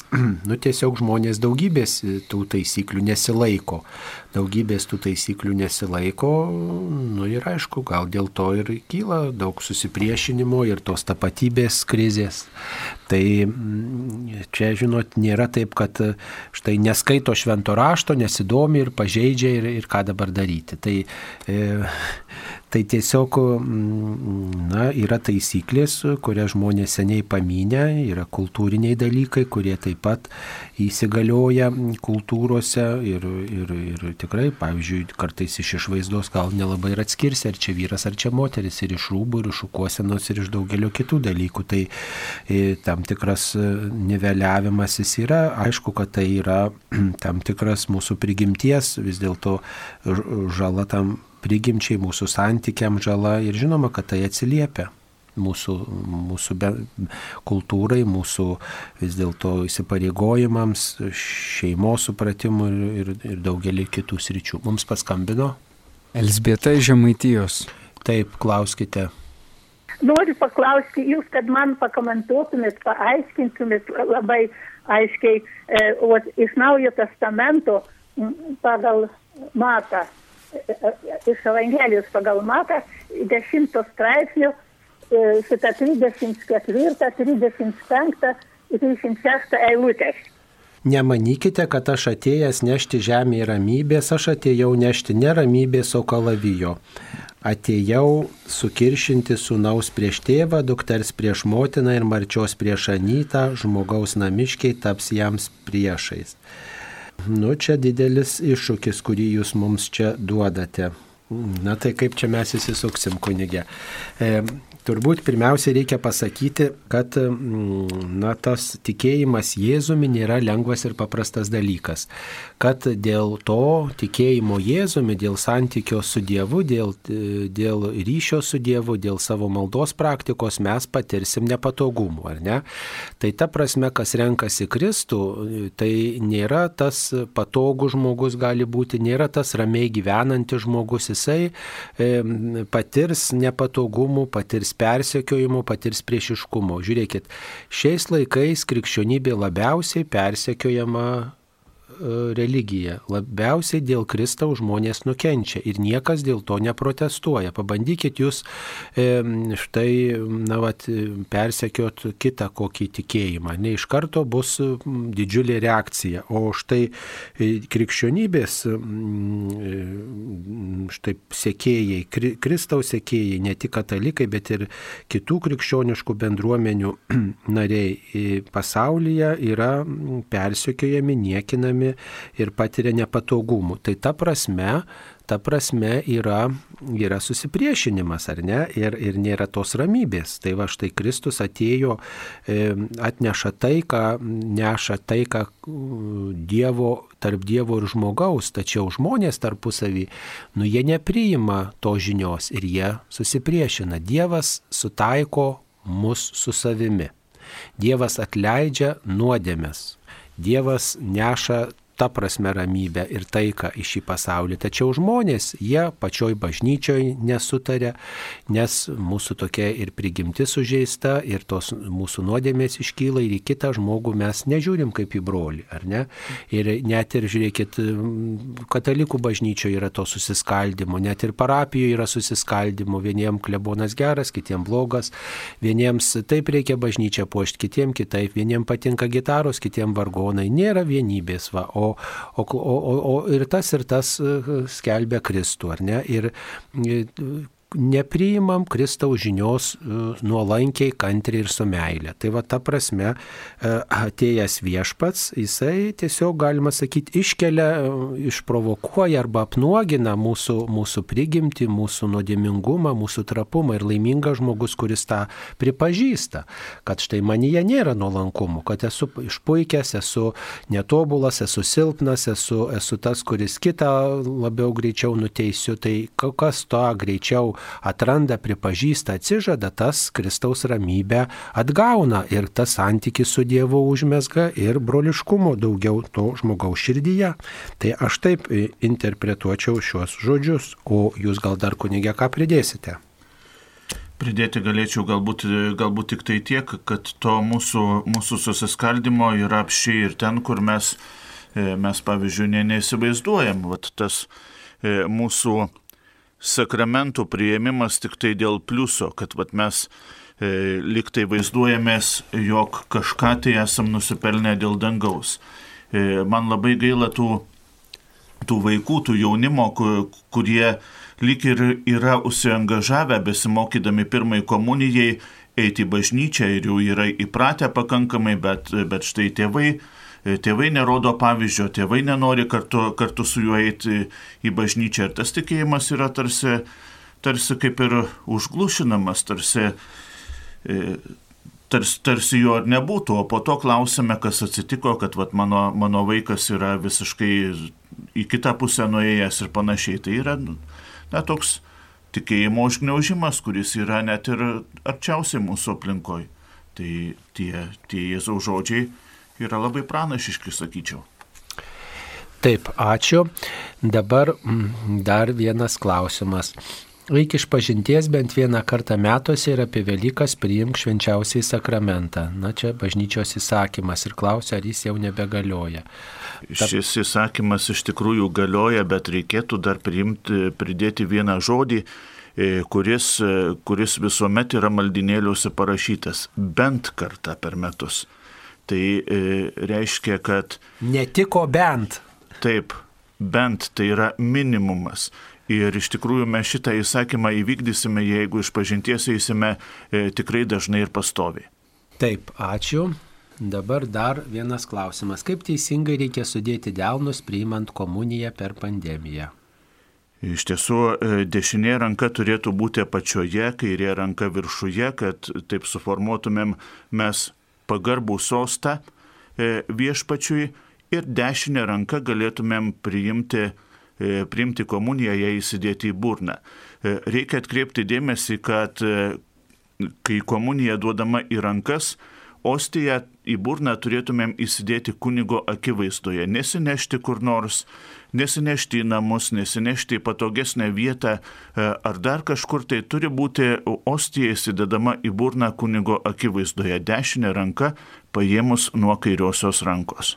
Taigi, pirmiausia, ištiesiam į kunigą dešinį delną, tada į tą dešinį delną įdedam kairė, kairės rankos delną, kunigas įdeda komuniją į kairės rankos ištiestą delną, tada dešinės rankos dviem e, pirštais paimu komuniją ir kunigo akivaizdoje įsidedu e, švenčiausiai sakramentą į burną. Ir jeigu liko kažkokių dalelių, taip pat jas pagarbiai nuo delno priimu. Tai va, tai pagarbiai galima priimti švenčiausiai sakramentą. Taip mums paskambino. Marijona iš Pakuonio. Labą dieną. Labą dieną. Aš labai norėjau pasakyti visiems moterėlėms, kurios turi daržus, kad jos mokėtų auginti kardelius šventai bažnyčiai. Pas mane savarta jų. Kunigėlis visą laiką įsiveža tris mėnesius kardelius. Reikia žiemai uždengti juodą plyvelę, po to man ūkininkai atveža šiaudų uždengiu iki dvidešimt centimetrų ir jos per žiemą visi kardeliai išbūna. Tik reikia nuo pelyčių padėti nuodų. Pavasarį atidengiam balandžio vidury ir pilna bažnyčia kardelių pakuonio bažnytėlėj mūsų. Atsidžiau. Nu kaip gražu puošti bažnyčią mylėti ją. Tai vat yra toksai mano prašymas visom močiutėm. Visiem kas turi darželius žemės turi tokiu būdu išsaugoti kardelius nesupuvusius per žiemą. Ir jo dirvoj išbūna visi ir bus šventoj bažnyčioj gėlių. O rodo kaip šventieji ateina ir džiaugiasi tom gėlėm patiriu vaizdinius tuos, kaip tikrai labai gražu yra mylėti bažnyčią ar ją puošti. Nu, matot, jeigu pasidalintumėte dar kardelių tais svaugunėliais su klausytojais, tai visai būtų gražu, tai tada tikrai mūsų bažnyčios pražystų kardeliais. Ačiū Jums. Ačiū Jums už, už mintį ir tai yra e, paskatinimas kiekvienam, kad, kad bažnyčia turi puošti ne vienas koks nors žmogus, bet, e, bet ir visi, ir visų, e, visų mūsų iniciatyva yra labai svarbi. Taip, e, dar viena žinutė. Mm, ar galima telefone pasidaryti giesmę kaip skambėjimo toną, pavyzdžiui, jaunimo giesmė ar kokia kitokia? Aš manau, kad taip, šiuo metu šiuo laikinės technologijos tą leidžia, taigi drąsos tikrai pasidaryti. Taip, ar galima Švento Juozapo dieną prašyti laimėti loterijoje, kad Šventasis Juozapas padėtų, turbūt tą turima galvoje. Pirmiausia, reikia nusipirkti loterijos bilietą, o paskui bus taip, kaip bus. E, taip, nu, loterija toks įdomus dalykas, žinot, gerai pagalvokit, ar tikrai norite, ką jums tai duos, ar ne. E, taip, dar vienas e, klausimas apie šventąjį Juozapą.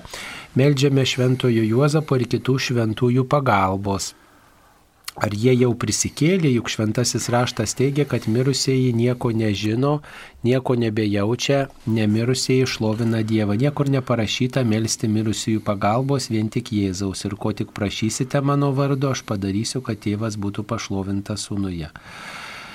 Niekur neparašyta, kad Jėzus būtų mokęs melstį Marijos ar mirusių Ar Paulius meluoja, kad mirusieji bus prikelti Jėzaus antrojo ateimo metu? Jėzus dar netėjo, mirė dar neprikelti ir ne, nieko nežino. Nu, va štai toks klausimas kaip mes jį atsakysime. Iš tikrųjų, tiek švenčiausioji mergelė Marija, tiek, tiek ir šventasis Juozapas e, buvo arti Jėzaus.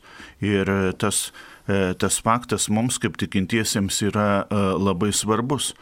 Mes tikime, kad E, kad gyvenimas mirtime nesibaigia, kad, e, kad mirusieji jau yra arti Dievo, kuris, e, kuris atėjus laiko pilnatvėje pasirodys ir pasirodys visi kartu šventieji, šventieji su juo, taigi mes mes ir prašom jų užtarimo, kad mums būtų lengviau būti, būti arti Dievo, kad, kad mes iš tiesų E, galėtumėm tą tikėjimo kelionę sėkmingai užbaigti, kaip užbaigė šventasis Juozapas, e, švenčiausioji mergelė Marija, visi mūsų, e, mūsų šventieji. Jie yra mūsų užtarėjai, kurie turi būti įdarbinti kaip pagalba kiekvienam iš mūsų, liaudiškai jaunimo žodžiais tariant, kurie galėtų būti mūsų mentoriais šitam, šitam tikėjimo, šitoj tikėjimo kelioniai E, turint, turint galvoje ir viltį, kad atėjus laiko pilnatvėje mes visi kartu su jais šlovinsime Dievą.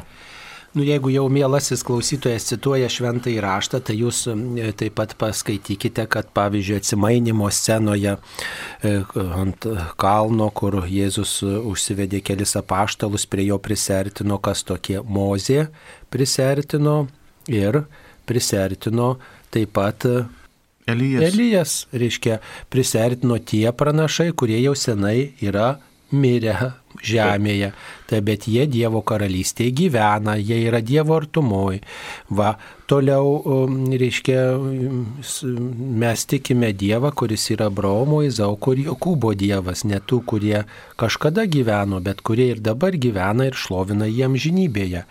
Ir mes tikime ir remiamės ne tik šventuoju raštu, bet ir bažnyčios tradicija. O bažnyčios tradicija kalba tikėjimo išpažinimą, kuriame mes sakome tikiu šventųjų bendravimą, nuodėmio atleidimą, kūno iš numirusių prisikėlimą ir amžinai gyvenimą. Amen.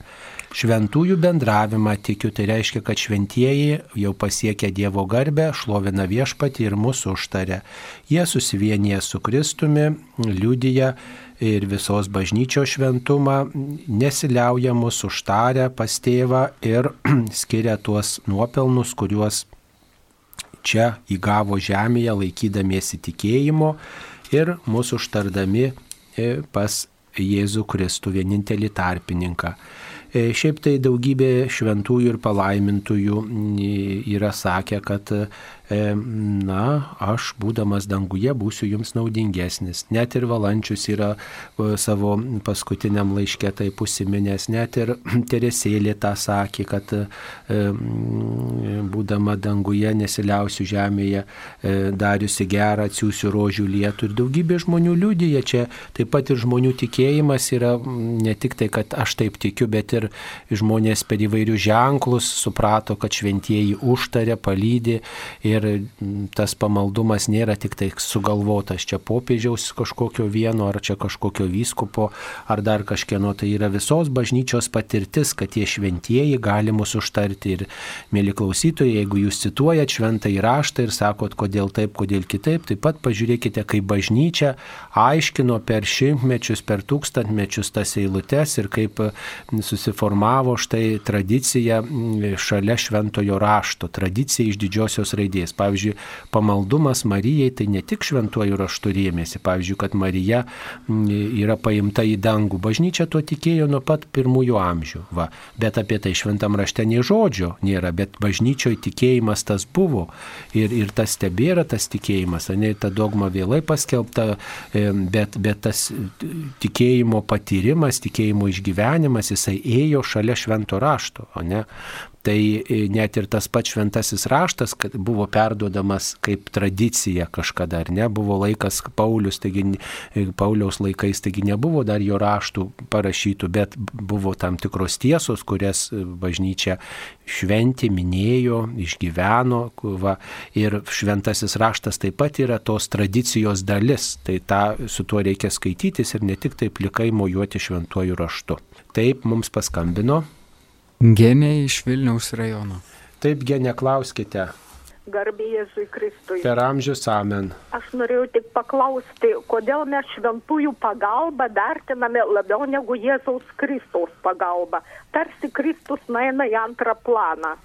O Ne- jisai prisikėlė. nenueina, nenueina. Ir gyvas ir man gydo lygas ir negalės. E, Kristui garbė per amžius tikrai nenueina, nes šventieji taip pat Dievo gale mūsų užtarė. Jie kreipia mus į Kristų. Štai klausytoja, jeigu klausėt Marijos radio laidos, sako, kad Marija visuose paveiksluose net ir dailininkų vaizduojama kaip ta, kuri rodo į savo kūdikį, kaip ta, kuri ra- rankose laiko šventai raštą arba kūdikėlis laiko knygą, Dievo žodį mokymą atspindi tas Dievo. Tai e, supranta, tai šventieji mus kreipia į Dievą ir mes tikrai jie neužstoja viešpaties. Jau čia šitas seniausiai bažnyčioje išspręstas klausimas. Kartais mes patys e, klaidingai įsivaizduojame, kad pavyzdžiui šventasis e, Judas Tadas gali, gali kokias nors, kokius nors neįmanomus dalykus padaryti arba šventasis Antanas tiesiog fiziškai surasti daiktus. Tie šventieji tik tai užtarė ir prašo, kad Jėzus surastų daiktus, kad Jėzus padarytų e, tuos dalykus, kurie mums atrodo neįmanomi, bet mums reikalingi mūsų išganimui. Taigi e, šventieji yra nu, tik tai nuoroda į Jėzų. Jie e, gyvendami žemėje jį garbino, garbina ir danguje ir mūsų užtarė. Taigi, melzdamiesi šventuosius mes visuomet turime prieš akis turėti Jėzų. Ar galima kalbėti rožinį naktį gulint lovoje? Taip, galima net ir lovoje melstis.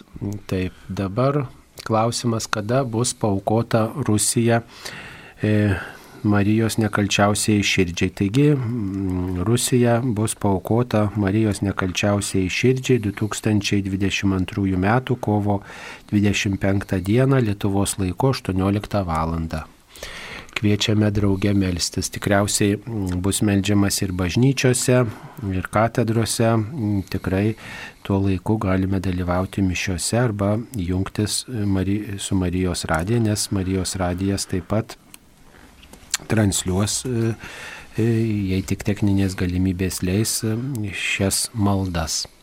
Taip, mums paskambino gal, ne niekas nepaskambino. E, Na, ką mes dar čia turime? E, Nedirbsi savo drožinių, ne jokio paveikslo, panašaus į tai, kas yra aukštai danguje ir čia žemėje. Nesilenksi, e, negarbinsi viešpati. Pas mus bažnyčios pilnos statulų ir paveikslų. Ar žmogus turi teisę keisti Dievo įsakymus? Man atrodo, šį klausimą jau buvo nekarta atsakyta, niekas, niekas Dievo įsakymų nepakeitė ir, ir, ir jų nepakeis. Kam reikalingos tos statulos, kam reikalingi tie, tie paveikslai, tai yra, kad žmogus geriau įsivaizduotų, kas, e, kas yra išganimas, kokia yra e, jo, jo paties išganimo istorija, kad žmogus e, geriau dalyvautų, pavyzdžiui, kryžiaus kelyje, kad, kad žmogus geriau įsivaizduotų švenčiausią mergelę Mariją kaip žmogų. Tai yra tie dalykai, kurie mums padeda tikėti.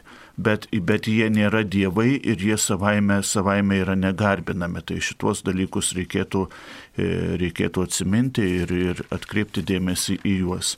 Mes garbiname tik tai viešpati Jėzų Kristų. Tobuliausia malda yra šventosios mišios, e, kurios, kurių metu mes priimame šventąją komuniją ir tiek. Dėl gavėnių sekmadienių klausimas. Kunigas mm, Erastas Murauskas čia turbūt nori pasakyti, minėjau, kad sekmadieniai Advento ir gavėnios metu iškrenta kabutės, ar galima švesti gimimo dieną, suvalgyti maisto, kurio gavėnioje atsisakai. Nu, gimtadienius, aišku, galima švesti. Jeigu žmogus gimė per gavėnę, tai jis jį ir švenčia. Tam tikros šventės, tokios išskirtinės šventės, turbūt jos na, turi savo tam tikrų išimčių.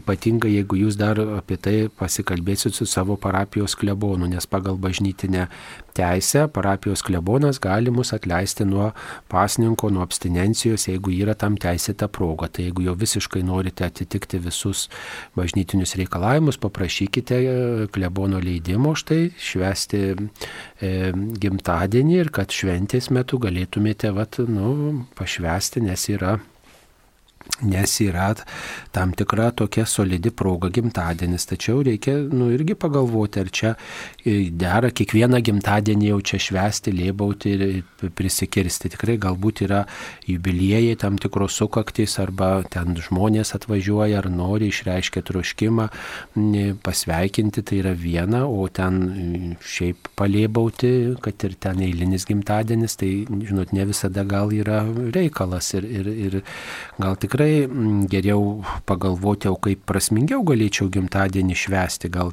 Dievui padėkoti, gal pasveikinti savo artimuosius, aplankyti, pabūti su jais, pasikalbėti, nu, pasidėti, arbatos išgerti. Ir tikrai mm, ten galima ir gavieniškai švesti, tiesiog gavieniškai minėti šventes, bet su didelė meilė, pagarba tiem žmonėms, kurie davė gyvybę, su kuriais gyvenu, kuriems esu dėkingas, dėkinga. O dabar dėl tų gavėnios sekmadienių ir advento sekmadienių, tai ką galėtume pasakyti, kad e, tai yra išskirtiniai sekmadieniai, minintys to laikotarpio tam tikrą tokį nu, išskirtinumą, nu, tam tikrą e, temą pažymintis, va, kiekvienas tas sekmadienis gali būti apibūdintas tam tikrų žodžių ir pavyzdžiui yra tas gaudėta, letarė sekmadieniai, džiaugsmo sekmadieniai, yra kančio sekmadienis, pavyzdžiui, per gavėnę, ten yra atsimainimo sekmadienis, gundimo sekmadienis, kaip sakant, tas skaitiniai tokie, kurie kartojasi ir panašiai. Tos temos tokios, kurios nagrinėjamos kiekvienais metais tą sekmadienį, tai, tai nereiškia, kad e, sustoja gavėnė tuo laiku, kaip pavyzdžiui per, per Švento Juozapo iškilmę arba per Šventąjį e, Kazimierą. Tačiau sekmadienis jis turi tokią ir kartu Kristaus prisikėlimo paminėjimas, tačiau kartu ir ruošimasis Kristaus prisikėlimo įvykiui toksai, ne, ypatingas pasiruošimas tam įvykiui. Dėl to bažnyčia susilaiko nuo tam tikrų garbinimo formų, kaip pavyzdžiui garbės gimno e, gėdojimo ar kalbėjimo va, viena vertus pažymė ir dėkoja Dievui už Kristaus prisikėlimą, kita vertus jam ruošiasi. Ir tas ruošimasis yra per atgailą, per, per tokį įsiklausimą ypatingai Dievo žodį ir per tam tikrus specifinius to laikotarpio pamaldumus, kaip pavyzdžiui kryžiaus kelias, graudus verksmai, ar tam tikros temos apmąstymas ir ta tokia vat, saikingumas, tam tikra tokia tylos patirtis bažnyčioje per gavėnę pavyzdžiui, ir tas tos pošybos saikingumas, na, byloja apie tokius, nu, truputį kitokius dalykus, kad mes, nu, atkreipiam dėmesį į tam tikrą saiką, susivaldymą, tam tikrą tokį susimastymą, tam, kad galėtume pasiruošti, nu, didesniam, intensyvesniam tokiam džiaugsmo išgyvenimui, prisikėlimo džiaugsmo išgyvenimui. Taip dėkoja dalį už klausimą, būkite palaiminti. Nu čia toksai apie, taip, gal šitus klausimus praleisim apie čia, taip, tokius nelabai tinka mūsų radio eteriui. Dar vieną tokią žinutę turėjome apie tai, kaip geriausiai pasiruošti Kristaus prisikėlimo šventimui. Aš manau, kad mes geriausiai pris, pasiruošime prisikėlimui būdami kartu su Kristumi. Tai yra e, ir apmastydami kančią, truputėlį galbūt, galbūt ir save apribodami, kad, kad iš tiesų e, tas keltumėmės kartu su juo kad, kad e, išnyktų nuodėmės, e, kad, e, kad, iš, kad iš tiesų būtume, būtume tyresni, geresni Taip ir praktikuodami tuos pamaldumus, kuriuos galbūt nepraktikavom, juos truputį e, susigražinti iš praeities, kaip kryžiaus kelio praktika, reiškia kaip mūsų krikščioniško kelio apmąstymas, kaip toks vat, pasirinkimas atlikti rekolekcijas, e, e, ne tik tai tada, kai yra organizuojamos bažnyčioje rekolekcijos, bet ir pavyzdžiui pasinaudoti galbūt galimybė, kai yra vienuolynai arba įvairios bendruomenės kelbė tokias progas progas, kai įvairios temos yra svarstomos, kai sudaroma galimybė atlikti išpažinti, e, tiesiog daugiau laiko skirti tylai, gal dažniau dalyvauti šventose mišiuose, pavyzdžiui, ne tik sekmadienį, bet ir šiokiadieniais ateiti, galbūt pasilikti šiek tiek švenčiausio sakramento adoracijoje, o ypatingai šiuo gavėnios laiku, kai vyksta karas, tikrai atsiliepti į tą kvietimą melstis rožinį kiekvieną dieną. E, gal to nedarėte, arba pavyzdžiui darėte, tai galbūt padarykite truputį kitaip galbūt negu įprastai, gal pridėkit kokius mąstymus ar kokią papildomą maldą arba tą rožinį galima melstis kartu su Marijos radiju, žodžiu, galbūt maldą už tai, ką patys pasirinkite sukalbėti.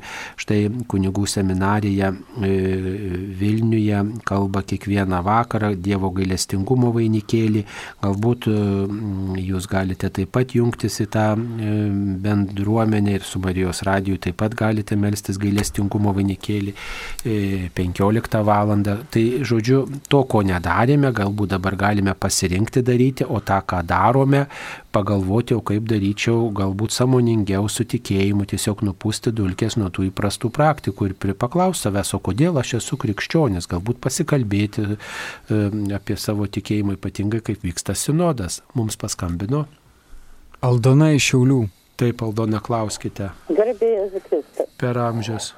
Norėčiau sužinoti, kodėl dabar prašome Dievo pagalbos rusų, ukrainiečių, lietuvių ir Europai.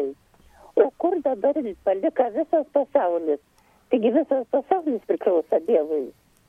Tai aš tai sakyčiau, kad melskime, prašykim Dievo pagalbos arba ką nors kitą sugalvoti ir melstis už visą pasaulį. Tik visam pasaulyje yra Lietuvos žmonių ir visam pasaulyje vyksta ne, nesutarimai. Vat. Nu, aš neaiškisiu, jūs geriau žinot. Nu, ačiū už klausimą.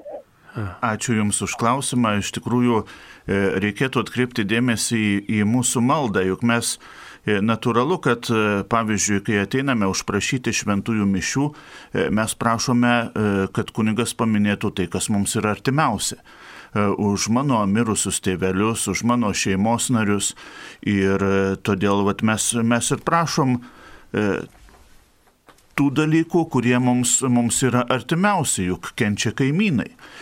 Kenčia ir Ukrainos žmonės, kenčia labia, labai kenčia ir paprasti Rusijos žmonės kurie yra nuo tiesiog ne savo norų įvelti į visus šituos, e, šituos, e, šituos reikalus. Tai mes, e, mes užtarėme juos ir be abejo, kalbėdami kiekvieną kartą tėvę mūsų maldą, mes prisimenam ir, ir, ir visą pasaulį, sakydami tiesie viešpatie tavo valia. Taip, tai Meldžiamės už visus, tačiau yra ypatingos intencijos, kažkas iškyla ir ypatingai tai, tuos reikalus Dievui pavedam. Taigi, na, čia įvairūs pamastymai mums atsiųsti. Štai vienas toks e, žmogus rašo apie tai, kad galbūt žmonės neskaiščiai pasirinkę gyventi, filmuose filmuojasi, galbūt toks jų darbas ar nuodėmė, kai dirba tokį darbą, nes skaistumo kelią pasirenka. Tai aišku, kad nuodėmė, taip sakant, Dievo įsakymai skirti visiems ir nedarbas yra nuodėmė, bet koks tas darbas, kokiom aplinkybėm ir koks tikslas. Tai taip atsakysim. Na, tai čia mus mėgsta kai kurie klausytojai atakuoti įvairiausiomis pastabomis, tačiau mm, ne viską mes skiriame eteriui. Taip. Taigi, ačiū mėlyjeji, kurie klausotės mūsų, tikrai Marijos radijas nori ugdyti tikėjimą, nešti ramybę, taiką, tačiau žinom, kad tai nėra lengvas, lengvas darbas ir, žinot, dažnai žmonės galvoja, kad ramybė bus atnešta tik tai tada, kaip, kaip jie mano ir tik tokiu būdu. Tačiau viešpats kartais pasirenka labai mums nepriimtinus būdus, ne tokius, kokius mes norėtume, bet reikia mums visada galvoti, ką galiu geriau padaryti ir pradėti nuo savęs, atsiverti, atsiversti, keistis, reikia reikalauti ne tik tai kitų, bet ir pirmiausiai iš savęs šito reikalauti. Tai ačiū kunigui Nerijui, kad šiandien rytą buvo su mumis šioje laidoje. Prie mikrofono taip pat buvau ir aš, kunigas Saulis Bužauskas, būkite palaiminti visiems stipraus, drąsaus tikėjimo ir su Švento Juozapo švente. Te globoja ir te užtaria mūsų šventasis Juozapas. Ačiū. Sudė.